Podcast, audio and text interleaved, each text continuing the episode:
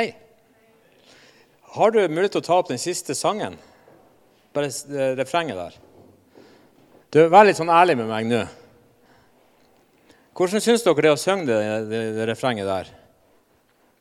Gud, jeg gir deg mitt liv, mitt hjerte og min sjel. Jeg lever kun for deg. Hvert minutt som jeg har, hvert åndedrag jeg tar, din vilje skjer i meg. Du, jeg tror at Vi kristne vi trenger alltid å leve i en sånn kontinuerlig revisjon av vårt eget liv. Og jeg må alltid se på mitt eget hjerte og egen, mitt eget fokus. Hvor er fokuset i dag? Hvor er livet mitt med Jesus i dag? Og jeg, jeg tenker vi er alle kalt til å brenne for Jesus. Og det er det vi ønsker. ikke sant? Når det står her, det her minner jo litt, De siste linjene minner jo litt om det som eh, når, når disiplene spurte Jesus om han kunne lære dem å be. Så var det Vår Far, du som er i himmelen, la dette riket komme. La din vilje skje på jorda som i himmelen. Så det er et fokus først opp til far. og så La det som skjer der oppe, la det skje her. Og så er faktisk realiteten at hvis det som skjer der oppe, skal kunne skje her, så må det skje her inne. På innsida av deg og meg. Når, når, satt, eh, når vi sto her i lovprisning, så ble jeg minnet om en historie. som Jeg skal, jeg skal prøve å fortelle en historie etter beste evne. Og Det kan hende at du har hørt en historie før. Og så må du tenke på, Hvis det er noen detaljer som blir veldig viktige, som ikke blir korrekt, så hjelper du meg med det. Men det var en gang i Tyskland for veldig mange år siden, egentlig faktisk ca. 300 år siden, så var det en ung gutt. Og denne unge gutten han var, altså han var faktisk bare Allerede som seksåring så skrev han kjærlighetsbrev til Jesus. Men det var ikke hvilken som helst slags gutt, det her, fordi han var faktisk av litt sånn Han var grevesønn. grevesønn. Så han vokste opp og kom til å bli greve en gang. Men han hadde en dyp relasjon til Jesus allerede som seksåring. Og Så vokste han opp, og han fikk eh, utdannelse til egentlig å kunne være en minister. Og han, hadde, han, var, på, han, var, han var utlært innenfor juss. og sånn, så Han reiste rundt og var på en slags sånn signingsferd. Eller, eller eh, han skulle se hele denne nasjonen som han egentlig var, hadde en, en, del av ansvaret for. Og Hvis jeg husker rett, så var det til Düsseldorf han kom. Det kan hende at det er feil. Og Der var han på et galleri og så et maleri. Og På det maleriet der så du Jesus med sånn tornekrone. og, og eh, og så sto det noe på latin, og det oversettes omtrent sånn som at 'Dette har jeg gjort for deg. Hva vil du gjøre for meg?' Og når han så dette bildet, her, så bare ble alt forandra. Denne mannen her, som egentlig hadde en arverett på et menneskelig rike, og en, en arverett på rikdom og en arverett på makt Han møtte Jesus da han så på et maleri. Og Han reiste tilbake hjem og eh, kunne ikke leve lenger som før. Så han fikk en sånn nidkjærhet for Guds plan. Og Det gjorde at han begynte å samle folk, for i den tida der, i det området så var det ganske mange kristne av forskjellige retninger. Og Det var en forfølgelse, og mange av de her trengte beskyttelse. Og Han hadde, han hadde en eiendom, og i den eiendommen i den, i den byen så samla han de forskjellige grupperingene av kristne. Og de var noen krangelfanter. De var ikke begeistra for hverandre i det hele tatt. Og han her han er Zinzendorf, som jeg tror han heter. Han brukte tida si til å reise rundt til de her forskjellige grupperingene og forkynne til dem, fortelle dem om Jesus. Han brukte tid med de folkene her. da. Han som hadde den karrieren framfor seg. Han brukte tida si på noen skikkelig sånne surmaga kristne. Så snakka han til dem om det å stå sammen for evangeliet. Snakka om hellighet. Han hadde et hjerte for bønn, et hjerte for innvielse. Han brant sjøl. Og jeg er helt sikker på at han ba for dem med tårer. Og så kom de her etter hvert de kom til en slags erkjennelse av at de trengte å vende om fra partisinn og fra splittelse. Og på et tidspunkt der, jeg tror det var rundt 1730 eller noe sånt, så samla han en ganske stor gjeng til en kveld der de skulle ha brødsbrytelse. Og de tilga hverandre, de la ting bak, og de brøt brødet med hverandre. Og der de holdt på å bryte brødet med hverandre, så kommer Herrens kraft over dem.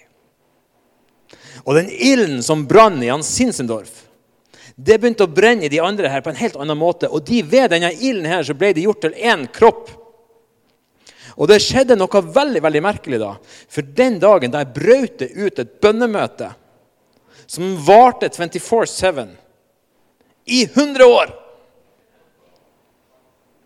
I 100 år var det folk som ba til Gud sammen der. Det var en kontinuerlig vekkelse, det var en kontinuerlig ild som begynte å brenne der. Og De 100 årene som gikk etterpå, så sendte de her folkene her, de sendte ut misjonærer til mange forskjellige plasser. Vet du hva som kan skje hvis ilden begynner å brenne i ett menneske?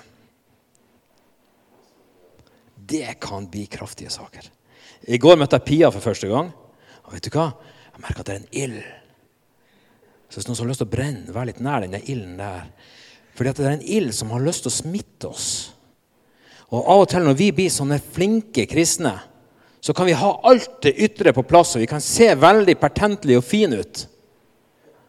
Og plutselig så kan det komme en som har Nå snakker jeg ikke om deg, men jeg ser, hvis jeg ser på Facebook, da, så ser jeg noen kristne som i det ytre ser litt tåpelige ut. Har du sett noen sånne kristne? Men så blir du litt skamfull, for du ser at de brenner for evangeliet. Kanskje det bare er jeg som har følt det sånn. Men jeg ser noen som fær fram på en litt tåpelig måte, men så ser jeg at de brenner så for Jesus at det blir gjennombrudd likevel. I kraft av at de brenner. Og da kan vi velge om vi skal være de der eh, kristne som vet hvordan ting skal være. Nei, det er litt for mye det, litt for lite det, og det, der ser de tåpelige ut. Og, eller om vi skal være sånne som sier denne ilden her, den er ekte. Og den ilden må jeg få tak i.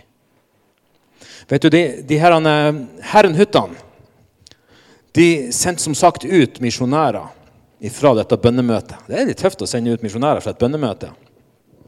Men det var jo det som i realiteten skjedde, for det var dette kontinuerlige bønnemøtet her.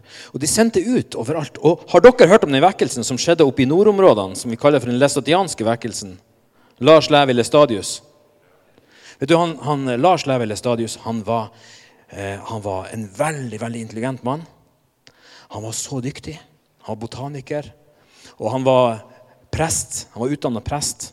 Og Han for rundt og hadde forkynnelser og han, han eh, slags prestevisitaser eller prostevisitaser. eller et eller annet sånt. Og han var, hadde vært prest i 20 år omtrent, der han forkynte et tørt budskap. Og så ble han i den alderen som jeg er, ca. 44 år. Og da reiser han litt sørover i Sverige. Og der, der, er han egentlig for å, å uh, ha et sånt uh, møte der han er den åndelige, viktige personen. Men der møter han ei ung jente, og denne jenta her hadde en vanskelig oppvekst. Hun, hvis jeg husker riktig, det er lenge siden jeg leste den historien, så tror jeg hun hadde noen utfordringer i forhold til at hun var, eh, hadde mista foreldrene tidlig, og hun var oppdratt i en, i hos noen andre og ble egentlig litt tilsidesatt men det må du ta med en klype salt. Hennes navn var Maria og er kjent som samejenta Milla. Og denne samejenta Milla hun hadde fått tak i en ild. Og Den unge samejenta møter da den åndelig viktige mannen med litt grått hår i tinningen som meg. Og hun er egentlig der for å lære av han. Men det som skjer, er det motsatte. Denne viktige åndelige personen på 44 år han møter jenta som brenner. Og hun brenner! Og Hun brenner sånn at hun tar han inn i en personlig relasjon til Jesus. Hun forkynner synd og nåde til han. Hun forkynner vennskap med vår far, han som har gjort sånn at vi kan ha fellesskap med han. Det forkynner Milla til han Lars Level Stadius. Og han Lars Level Stadius han blir totalforvandla i ett. Han drar hjem, og han begynner å forkynne med ild. Og Den vekkelsen som bryter ut der, den, altså inn, den, den starter egentlig i Nord-Sverige og går inn i Norge og går inn i Finland. Og flere hundre tusen mennesker blir frelst. Samefolket blir redda fra gambling og alkoholisme pga. evangeliet. Som kom fra denne mannen, Lars Levi Lestadius, som hadde møtt ei ung jente som heter Milla, som brant for Jesus. Hvor kom den ilden fra? Dette var i 1844. Hvis du sporer den ilden tilbake han Lars der Stadius. Han fant ilden hos Milla. Og det som ikke så mange vet, det var at hun Milla hun hadde funnet ilden hos en som heter Per Brandell. Og han Per Brandell han hadde funnet ilden hos herren Huttan nesten 100 år tidligere. Hva kan skje med ett menneske som brenner for evangeliet? Det som skjedde med hans Sinsendorf i 1730 omtrent. Det brant, og de sendte ut, og det kom innom han Per Brandell, og så kom det innom og, og Milla, og så kom det til Lars Levi Stadius, og så ble hele Nordkalotten forandra. Og den ilden som brant i han, per, i, han, i han Sinsendorf, er også den ilden som på et eller annet tidspunkt møtte han Wesley. Du kan, hvis du leser boka, hvis du leser litteratur om Wesley, så finner du ut at han på en båttur over til USA så holder båten på å gå under. Og han blir så redd. Og Han er også en sånn viktig åndelig mann. Og Så blir han så redd, men så ser han at det er noen tyskere som ikke er redd i det hele tatt. Verken mannfolkene Kvinnfolkene eller ungene er redde i det hele tatt. Og Han spør hva er det her for noe. Hvordan, hvordan klarte dere å ikke bli tatt av angst i den situasjonen? Vi kjenner vår far. Han vil alltid berge oss. Og om vi dør, så går vi hjem. Hvem var de? Det var herren Huttan. Det starta med en seksåring som skrev et kjærlighetsbrev til Jesus. Skjønner du hva som kan skje hvis du brenner for evangeliet? Jeg håper du brenner. Og hvis du kjenner at du ikke brenner, hvis du kjenner at du ikke kan si det der fra dypet av ditt hjerte, da er det tid å bøye kne for Jesus. Han har kalt oss til å brenne. Han vil at vi skal brenne. Han vil ikke at vi skal være religiøse. Han vil ikke at vi skal være pyntelige. Han vil at vi skal brenne. Jeg er jo i Trondheim, jeg må jo være litt sånn forsiktig med kultur. Men jeg tror det at trøndere er egentlig litt sånn som nordlendinger. Sånn at når vi begynte møtet her, så hørte jeg plutselig han Bjarne Brøndbo for meg. Her blir det liv! Her blir det liv! Og hva svarer de? Rai, rai! Jeg tror det er liv på gang. Men er vi villige til å ta imot det livet? Er du villig til å ta imot det livet? Det livet, det, det, livet det, kan, kan, det kan bre seg mye mer ut enn det du har sett så langt. Den kapasiteten som ligger på innsida av deg, er mye mye større enn det du tror. Kjenner du det som står i Efeserbrevet? Der da, da sier Paulus det at jeg ber om at deres, øyene, deres hjertes øyne skal bli åpna, så dere skjønner for en kraft som er på innsida av dere. Tror du han ber det for oss? Tror du han ber det for trønderne? La oss lese det. Efeserbrevet kapittel 1.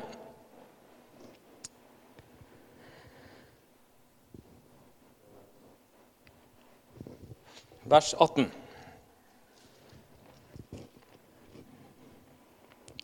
Må Han gi dere lys til hjertets øyne, så dere får innsikt i det håp Han har kalt dere til hvor rik og herlig hans arv er for de hellige, og hvor overveldende hans kraft er hos oss som tror. Med denne veldige makt og styrke reiste han Kristus opp fra de døde og satte han ved sin høyre hånd i himmelen. Så her står det at den krafta som reiste Jesus opp fra de døde, bor inni deg. Tror du på det? Alt er mulig. Hvis du tror på det, så betyr det det at når du er her, eller når du er ute i verden, så vet du at det er noe her inne som er veldig sterkt, og som har en enorm kapasitet. Hvis du har fellesskap med meg, så kan vi ha fellesskap i vår mental, vårt mentale liv. Vi kan connecte bare helt rent intellektuelt vi kan regne et mattestykke sammen. Det er et form for fellesskap. Vi kan ha fellesskap i våre følelser, våre emosjoner. Vi kan være en gråteklubb. Vi kan ha fellesskap i interesser. Men når vi er sammen, så er vårt kall å ha fellesskap i ånden. Den ånd som reiste Jesus opp fra de døde, er den ånd vi er kalt til å ha fellesskap med og i. Når vi er sammen her, så vil Den hellige ånd noen ting. Den hellige ånd vil noe! Og han bobler på innsida av deg. Får han komme ut? Her blir det liv. Rai, rai. Han vil ut! Skjønner, Gud vil ha deg ned på kne. La ditt rike komme. La din vilje skje i meg. La din ånd boble fram og bli til liv. Det kan skje med deg. Det er ingen begrensninger. Men han gjør det sammen med oss. Han gjør det gjennom oss. Det er i fellesskapet det skjer. Får han slippe til hos deg? Tillater du han å slippe til hos deg?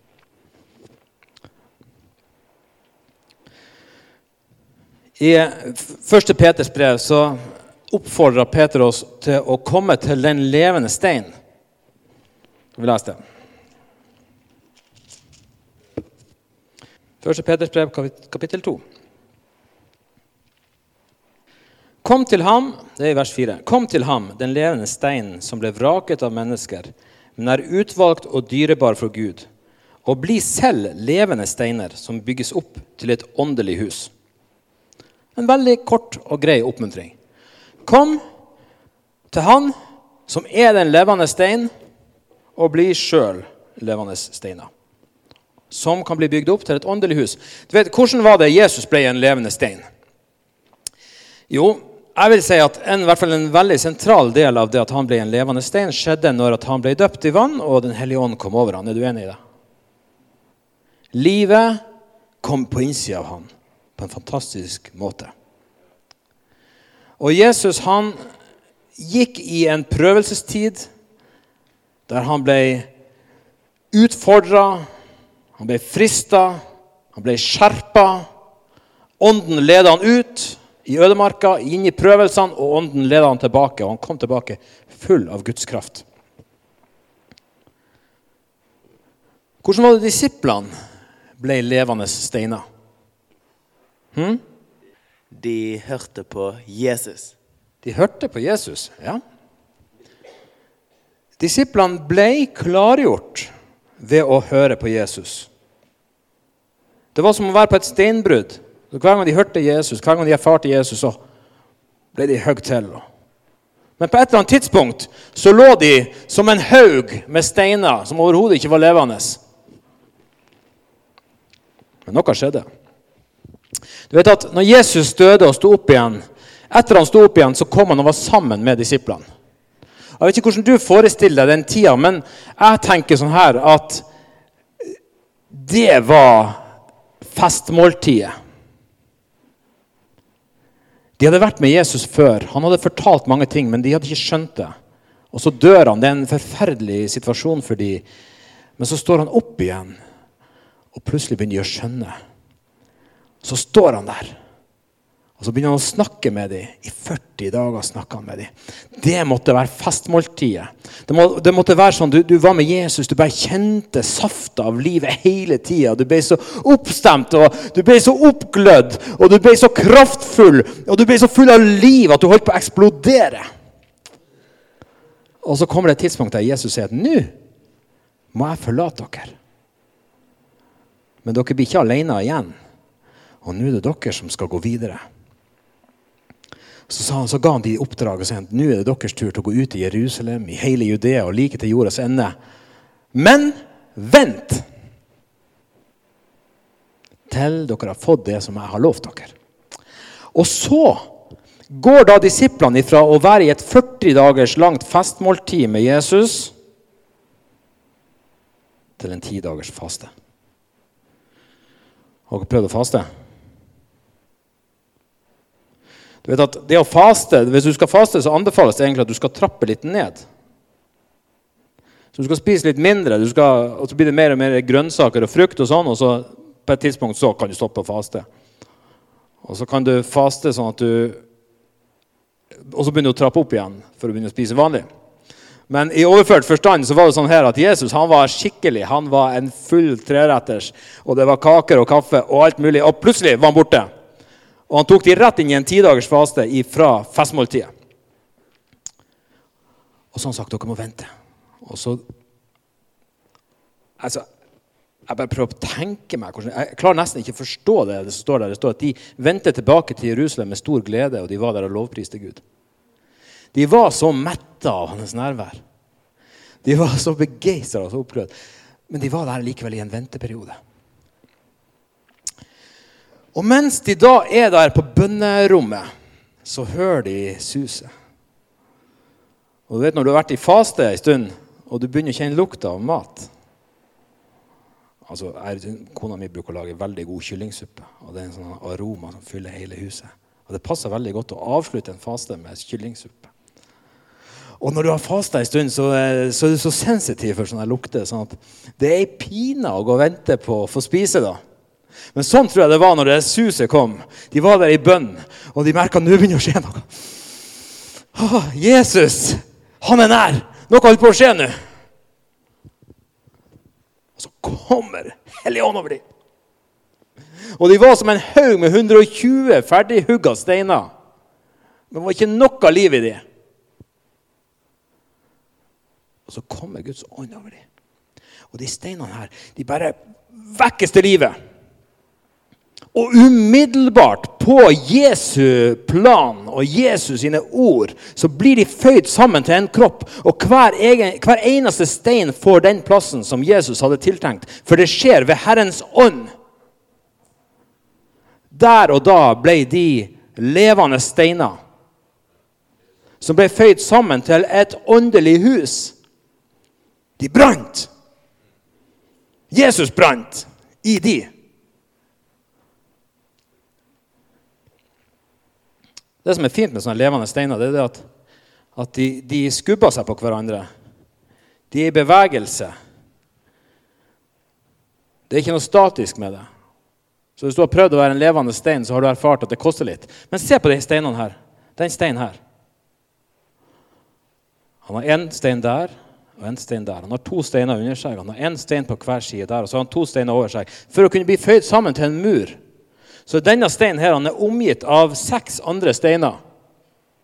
Har du så intimt fellesskap med seks andre som de steinene her har?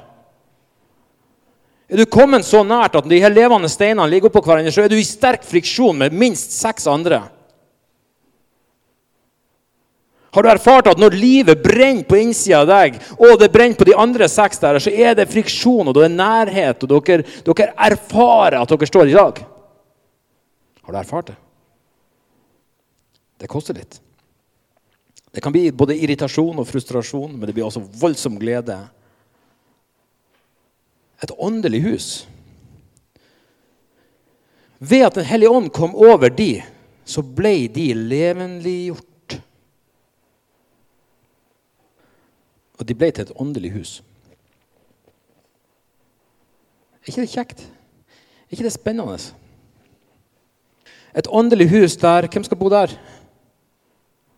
Jo, Jesus. Med sin ånd. Vet du, når Stefanus ble, nei, han ble ikke korsfestet, når han ble steina og ble den første kristne martyren så det han, det han, proklamerte, det de tok ham for, var faktisk det at han hadde sagt at helligdommen skulle bli revet ned. Hør hva han sier her. Her er Stefanus sine ord. Han sier det at Likevel bor ikke den høyeste i noe som er bygd av menneskehånd. Det er hans svar. Himmelen er min trone, og jorden er min fotskammel. Hva slags hus kan dere bygge for meg, sier Herren? Eller hvor er stedet der jeg kan hvile? Har ikke min hånd skapt alt dette? Det er en veldig provoserende sannhet for de religiøse der. At det huset som Gud skal ha, det er ikke det her tempelet. Men et hus bygd av levende steiner. Du er en sånn levende stein.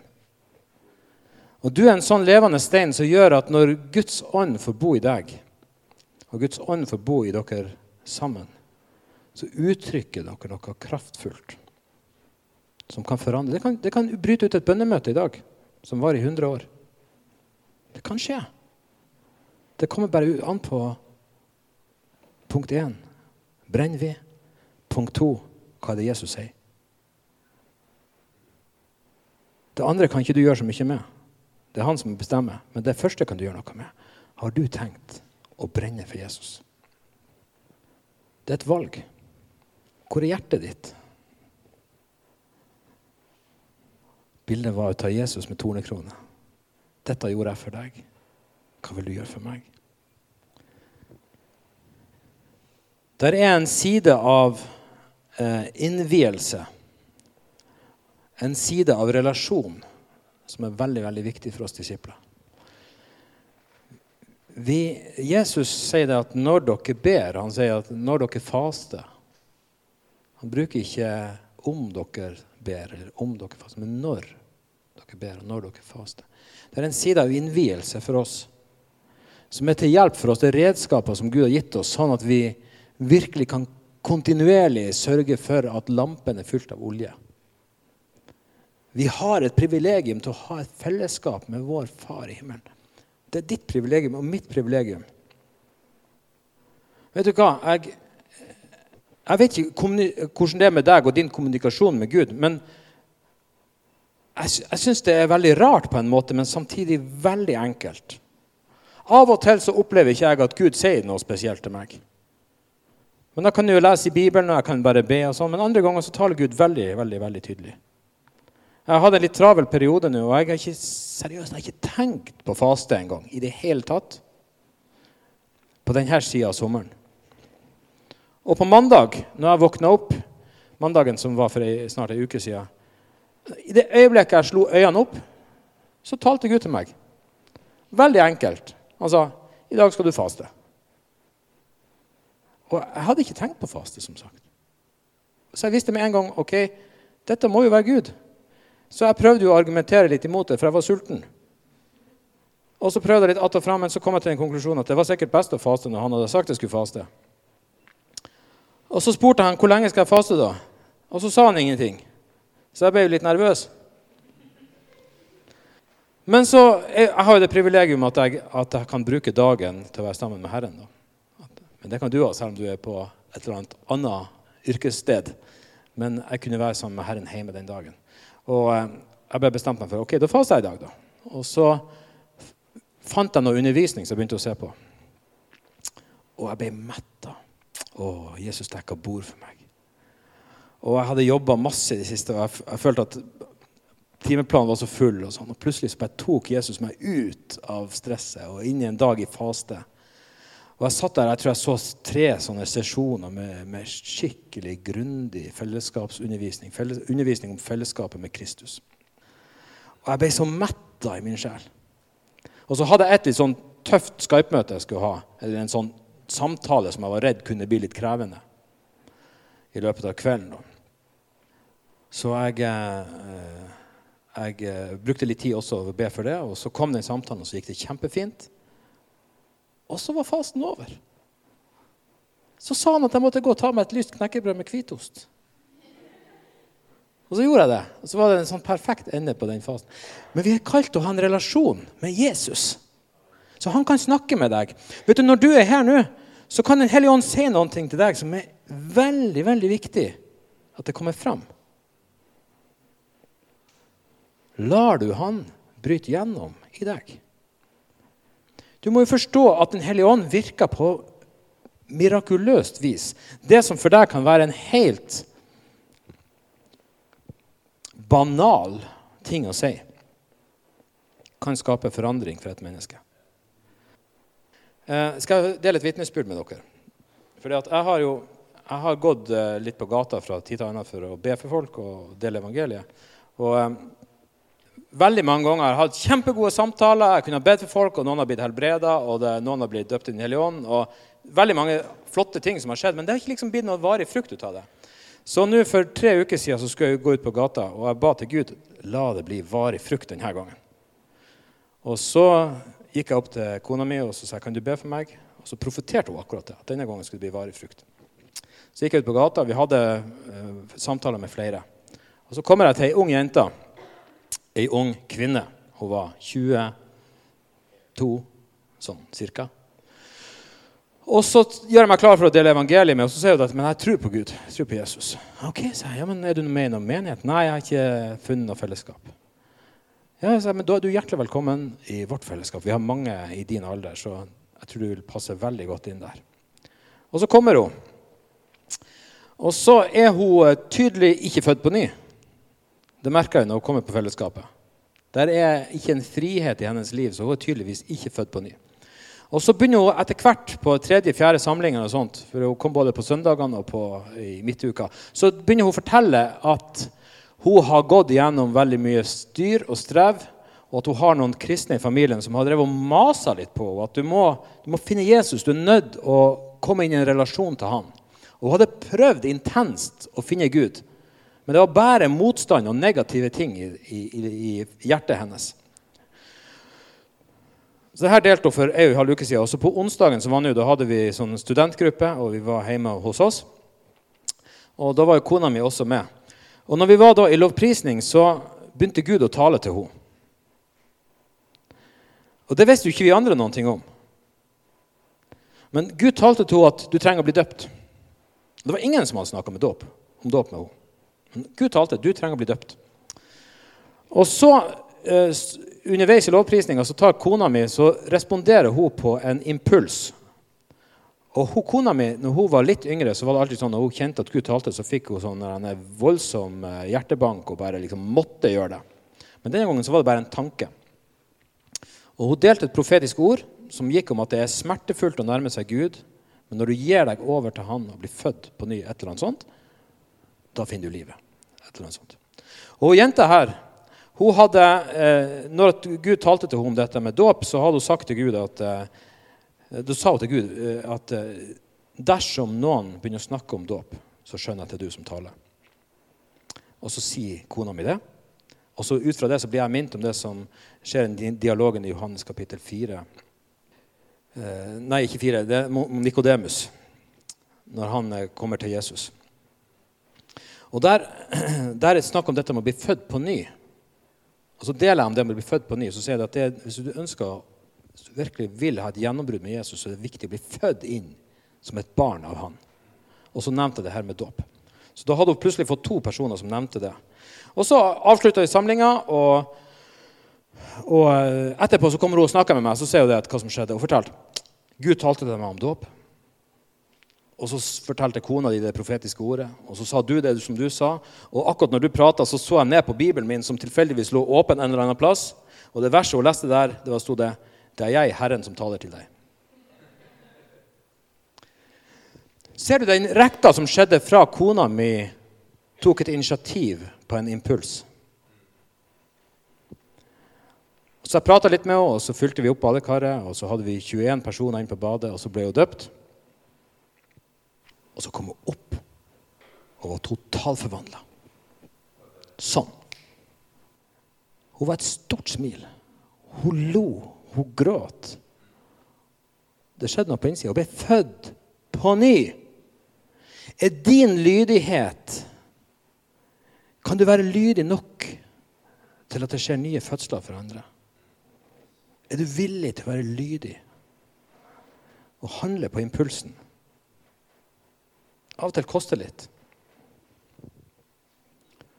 I juni så reiste vi til Rovaniemi for første gang på et profetisk ord. Den første personen vi treffer, er ei ung dame som bøyer kne for Jesus. Det var ikke jeg som var fødselshjelper der, men jeg var i området. Det var ei russisk dame som var fødselshjelper der. Og hun jenta her Det som ikke jeg visste, var at hun levde i samboerskap. Og så kommer hun til konferansen som vi hadde i Tromsø i august, sammen med sin samboer. Jeg vet fremdeles ikke at de er samboere. Men så det er én som brenner for Jesus. Han fikk for seg at han var nødt å si det rett ut til dem. At sånn dere lever, er ikke til behag for Jesus. Så gjør han det. Og hvordan tror du det gikk? Det gikk så dårlig. Hun ble så fornærma. Og samboeren ble så fornærma. Og de bor faktisk i Murmansk, da, men det er noen link mellom Murmansk og Rovaniemi. Jeg skal ikke ta det nå. Men de bor i Murmansk. Og hun ble så fornærma, og de for av gårde. Det ble en slags brudd i relasjon til noen i familien. De for av gårde og var skikkelig fornærma og fortvilt. Og jeg tenkte vi får bare be til Gud for de folkene. Gud må bare gripe inn. Hva skal vi gjøre? Så gikk sommeren, og så talte Gud til dem på nytt gjennom noen andre. Og konsekvensen var at de flytta fra hverandre. Begge to begynte på alfakurs.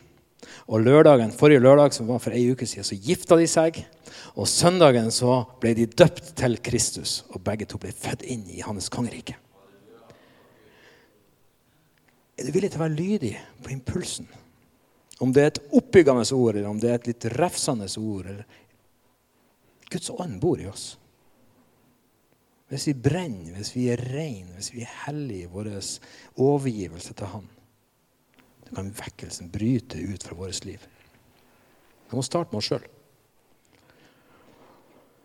Hvis du nå kjenner at, eh, at, alt er greit, og du brenner virkelig, og du, du, du, kjenner en respons i det jeg sier fordi at det faktisk brenner, så åh, Gud velsigne deg. Brenn mer. Brenn mer. Vi trenger å være hungrige. Jeg sa det i går til studentene. Det går an å lide av åndelig eh, sånn her, spisevegring. Du har spist så lite at du nesten ikke kjenner at du trenger å spise. Men vi må fòre oss sjøl med Jesus på en sånn måte at det øyeblikket du går en time uten han, så blir du så sulten at du holder på å gå i frø. Du må ha en hunger på innsida. Vi må hungre, vi må tørste. Det var det som var Jesus snakka om i Johannes kapittel 7. Altså at for den som tørster, må komme til meg og drikke. For fra hans indre skal det, som Skriften har sagt, renne strømmer av levende vann. Den som tørster. Har du prøvd å døpe noen i Den hellige ånd? Eller har du prøvd å lagt hendene på noen og bedt for noen som ikke er etter Den hellige ånd?